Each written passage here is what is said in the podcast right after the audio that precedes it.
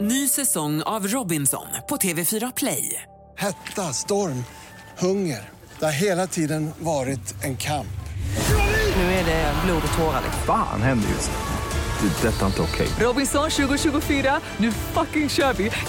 Streama söndag på TV4 Play. Hej, det är jag som är Lotta Bromé och det här är ett inslag från Halv tre med Lotta Bromé på Mix Megapol. Idag för 45 år sedan så dog Elvis Presley, den största rocksångaren genom tiderna ansedd av många och han sålde över en miljard skivor. Och när han dog så var han bara 42 år gammal. Börje Lundberg, journalist, är en av de få svenskar som faktiskt träffat Elvis. Välkommen till Halv tre. Jag tackar för detta.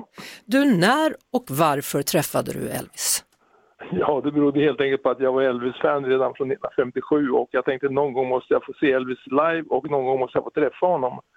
Och jag insåg ju snabbt att ser man en journalist kommer man aldrig i närheten. Men, men jag var ju fan och kunde bevisa det på olika sätt med lite smarta presenter från fanklubben i Sverige och, och lite andra, andra grejer som så jag kunde bevisa för Elvis omgivning att jag var inte någon dussinfigur utan jag hade, hade något på fötterna så att säga. Mm. Var sågs ni någonstans då? Las Vegas. Ja, hur var han som person? Han, han var blyg och, för, blyg och försynt och väldigt artig.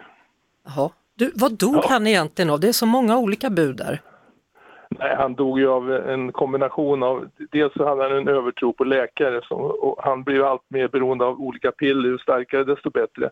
Och sen hade han ju extremt konstiga matvanor alltså. Socialstyrelsen hade ju hoppat, hoppat eh, jämfota minst. Han Ja, åt ju aldrig, aldrig en fiskbit, aldrig en räka, aldrig en en skaldjur, han åt a- aldrig någon grönsak, ingenting. Utan han, det var hamburgare och stekta jordensmackor och, och bacon, det var, det var det han gillade. men en sak som han också gillade var ju eh, mackor med banan och jordnötssmör och det är inte så dumt du. Alltså, du har smakat det? Ja, ja, ja, herregud. Alltså. Jaha. Man kan ju låtsas Ja, men- vara Elvis någon gång.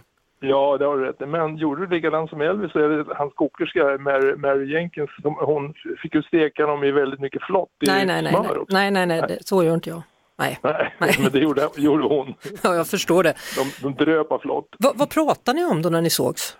Nej, jag var ju, jag var ju, jag låtsades ju, jag ställde frågor fast jag kunde inte ställa frågor som en journalist riktigt heller, men jag var ju nyfiken om när han skulle komma till Europa och till Sverige framförallt naturligtvis. Det var det jag ville ha till min kommande artikel som jag hade tänkt skriva.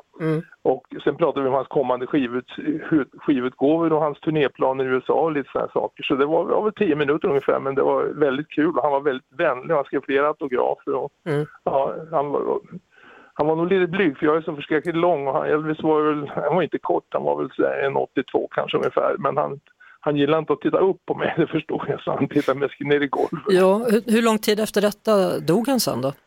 Fyra år sedan, fyra år senare. Alla pratar ju Och det nu, där- ja. Ja, nej men ah, då trodde man ju inte alls att det var, han var i dåligt skick, han såg hur fräsch ut som helst. Alltså. Alla pratar ju nu då om den nya Elvis-filmen, har du sett den? Jag har sett den ja, och jag ska se den ikväll igen faktiskt. Jaha, ja, så bra är den.